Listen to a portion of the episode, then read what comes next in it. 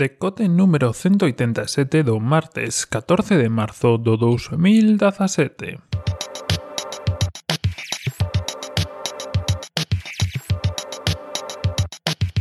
Bos días, hoxe sí, e benvidos a este novo decote. E digo hoxe sí porque onte, por si non vos testes conta, saiu o decote aí contra unha do mediodía, así que, pois, se non tivestes tempo a escoitalo, porque tedes hábito de escoitalo ás 9, 10, 11 ou 12, tedes hoxe sesión doble, pois unha para cando oides e outra para cando volvedes, por exemplo.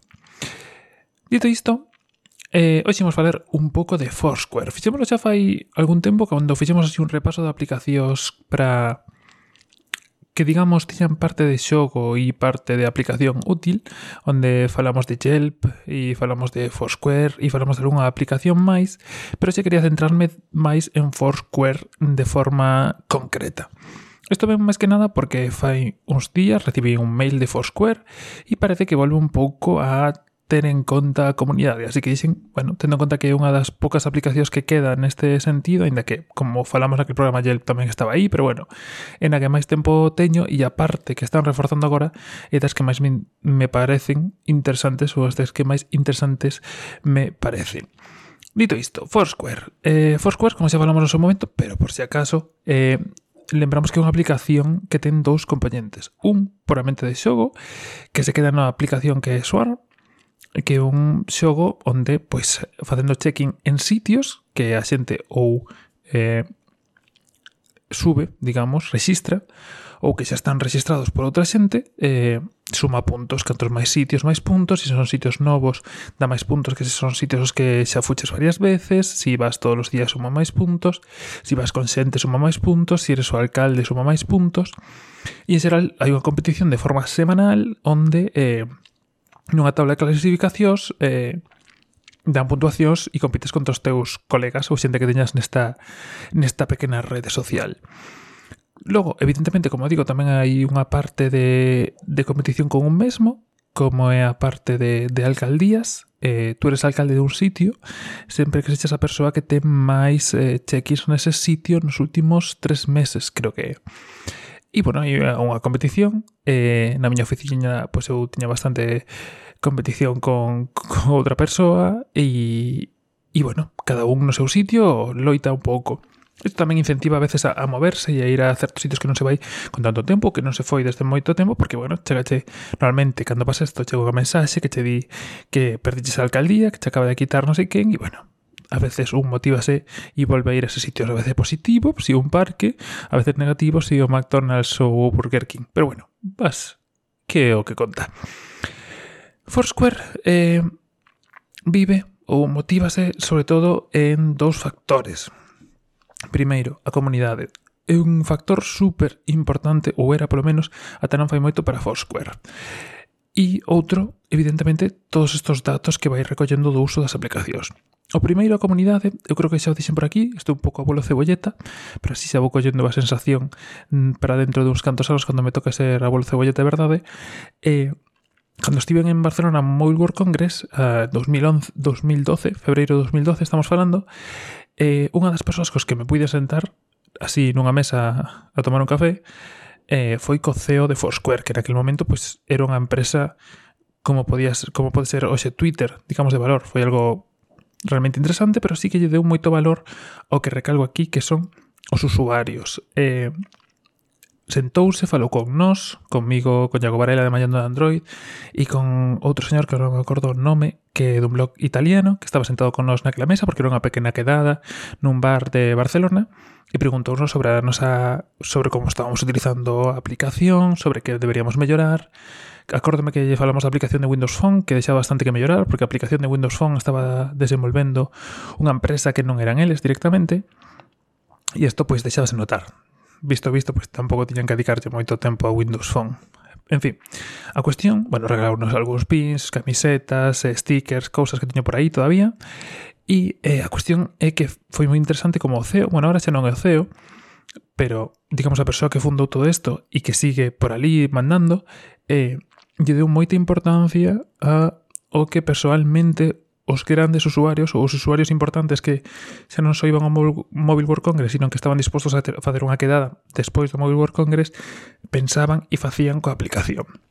Dentro desta parte importante, eh, hai un segmento por dentro. Hai usuarios comuns, que podemos decir, e logo hai unha xente que eh, pide ser super usuaria. Os superusuarios son xente que non só utiliza a aplicación de forma normal para facer cheques, para competir, para ter alcaldías, sino que lle interesan eh, sumar a esta aplicación. Como suma? Pois revisando, controlando que todo o que haxa na aplicación, que todos os sitios, que todos os datos sexan os correctos.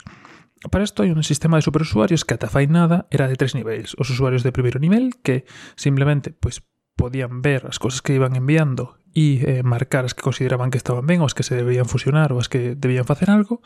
os de segundo nivel que podían facer pequenos cambios e aprobar pequenos cambios, pero non eh, pois pechar sitios ou facer eh, merges que se chaman, xuntar varios sitios para que se aparezca un, e os de nivel 3 que eran os que tiñan autoridade para facer calquer cousa.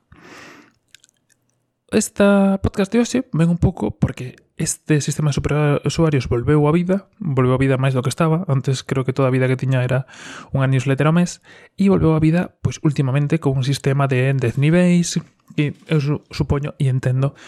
que o que pretende incentivar pois que a xente volva a mellorar as cousas. A mí funcionoume, pasei onte o día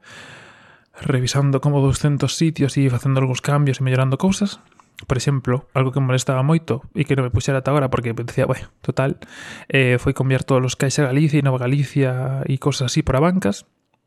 porque é algo moi común facer checking en sitios que todavía pon Nova Galicia e cosas así, e revisar algunhas cosas que habían no meu no miña bandexa de entrada de superusuario. Os superusuarios teñen como unha sección nova onde todo que envía xente, porque calquera pode decir, mira, isto está mal, enviar. E entón eso chega unha bandexa de entrada da xente, eh, digamos que as bandexas de entrada son por localización, entón eu, pois a localización de Lugo teño unha bandexa de entradas, tantos sitios con eh, cambios de ubicación, con datos que introducen, con cosas que melloran, e teño que revisalos, comprobar que todo está ben, dependendo de unhas guías de que nos dá Foursquare, que nos dá a propia empresa, e ver que todo está correctamente y con eso pues decidir. Evidentemente, dependendo do que sexa, pois ou se aproban directamente porque as aprobo eu ou pasan a un ente superior, un superusuario de nivel 3, bueno, ahora serían 9 e 10, eh, que é quen, ten, quen ten que dar o visto bo definitivo. Esta é unha das patas. Eu creo que é a máis interesante de todas e este podcast vai sobre todo porque, primeiro, se vos interesa ou vos mola ou lle quedas dar un tiento, ide adiante, eh, como superusuario, aita que soy moi friki isto, eu estarei encantado de, de axudarvos, de que vexades un pouco como funciona e de ser o vos amigo e co, cotilleedes, que o factor cotilleo é moi importante neste tipo de cousas. Logo, invitarvos tamén a ser superusuarios, creo que os, con o novo sistema de niveis, ser superusuario de nivel 1 é algo moi sinxelo, eh, como superusuario podo mandar eh, os vosos mails ou os mails da xente que está interesada para que entrar dentro dese círculo de superusuarios que eu creo que lle dá bastante eh, xogo. Porque se si che gusta facer check-in, se si che gusta todo o tema de levar certo recorto, reconto do que estás facendo, pois o tema de logo poder editar para que as localizacións sexan correctas e as indicadas e todo ese tipo de cosas, pois lle dá un puntito maiores que a min me, me gusta bastante. Entonces, esta primeira parte de, de todo, incitarvos. A segunda, como os decía, pois van nos datos.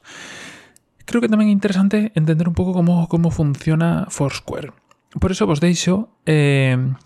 na descripción, como sempre, lecturas recomendadas, deixo vos un artigo de, de o inversor, o inversionista, o inversiopedia, ou algo así que se chama, eh, en inglés, onde fala un pouco de, das rondas de financiación e de como, basicamente, pues eso, funciona esta empresa eh, Foursquare, cos as dúas aplicacións, Foursquare, que digamos que é onde máis eh, catálogo, onde ten máis consellos e cousas, eh, e Swan, que é da que estábamos falando, funciona gracias a que eh, pasa datos ou comparte datos de forma anónima de dos usos de localizacións da xente que utilizamos para pois mellorar resultados de Bing, de Twitter e de sitios similares. Son cosas que non se saben normalmente, pero bueno, está ben saber que veñen de aquí e que, eh, en certo modo, mellorando sendo superusuario e facendo esas pequenas correccións e cambios, pois ao final tamén influes en que Google, Bing, eh, Twitter eh, melloren. Bueno, quizá Google non necesita tanto, pero bueno, no artigo vai a lista ou polo menos tres ou catro exemplos de empresas que os utilizan que van Bing e Twitter seguro entre esas, eh, mellorar, bueno, pues, utilización de Twitter que eh, como usuario da rede social, pois pues, está ben que sexa o seu Obriuse me decir, evidentemente, aparte de Swarm, que é a que máis utilizo, pero logo evidentemente está Foursquare, Foursquare, Foursquare, que é a aplicación, tamén falamos no seu momento no último no anterior podcast que falábamos desto, que é un pouco máis de recomendacións, de facer listas e que eu, por exemplo, utilizo cando é o concurso de tapas de Lugo, pois facer unha lista con todos os restaurantes para saber onde facer check-in, cale a tapa, e canto custa. Si ides ao meu perfil, que tes tamén linkado na descripción, pois podes ver este tipo de, de listas que fago de vez en cando. Podes facer para todo tipo de cousas, hai xente que facía de onde podes atopar estrela Galicia en todo o mundo ou de sitios que visitar. Cando fas unha guía de 48 horas no sitio, pois de sitios que visitar e cousas similares. A mí gusta bastante, está bastante ben, evidentemente se o comparto con vos é un pouco para motivarvos e espero que alguén pois se meta, me pida amizade, que paso tedes o enlace de baixo, ou incluso se anime a, a probar a ser superusuario, que mo diga e, e envío o seu mail para que entre. E, e pouco máis, Eh, simplemente eso, volve a estar vivo, ao parecer, volven a darlle caña. Chegaron mails con eso, eu espero ascender ahora un pouco, porque evidentemente estaba a nivel 2 e quedei a nivel 2, así que espero ir subindo hacia nivel 7 8, que sería máis ou menos como estaba agora. E pouco máis. Eh, sei que algún de vos utilizaba outras aplicacións, pero bueno, eh, xa que, xa que estamos todos nesta, imos dar ya esta. Nada máis por hoxe, que teñades un bo día. Mañá, por certo, falaremos sobre aplicacións para seguir series e películas. Así que se si tedes algunha que recomendar, algo que decirme que llevo un ollo, sobre todo de películas, porque estive un, un tempo buscando e creo que máis ou menos atopei a definitiva, pois bo momento para pasarmo. E pouco máis. Como sempre, todo na descripción, con enlace que vai directamente a podcast.algue.net, onde tedes todos os enlaces, incluído o do blog de eh, Foursquare, onde ver estas actualizacións que fan os superuses e todo tamén a páxina onde facerse superuser, ao meu perfil de Foursquare e o artigo onde explica un pouco de que vive Foursquare, as rondas de financiación e como foron as cousiñas. Nada máis por hoxe, que teñades un bo día, un saúdo e ata mañá.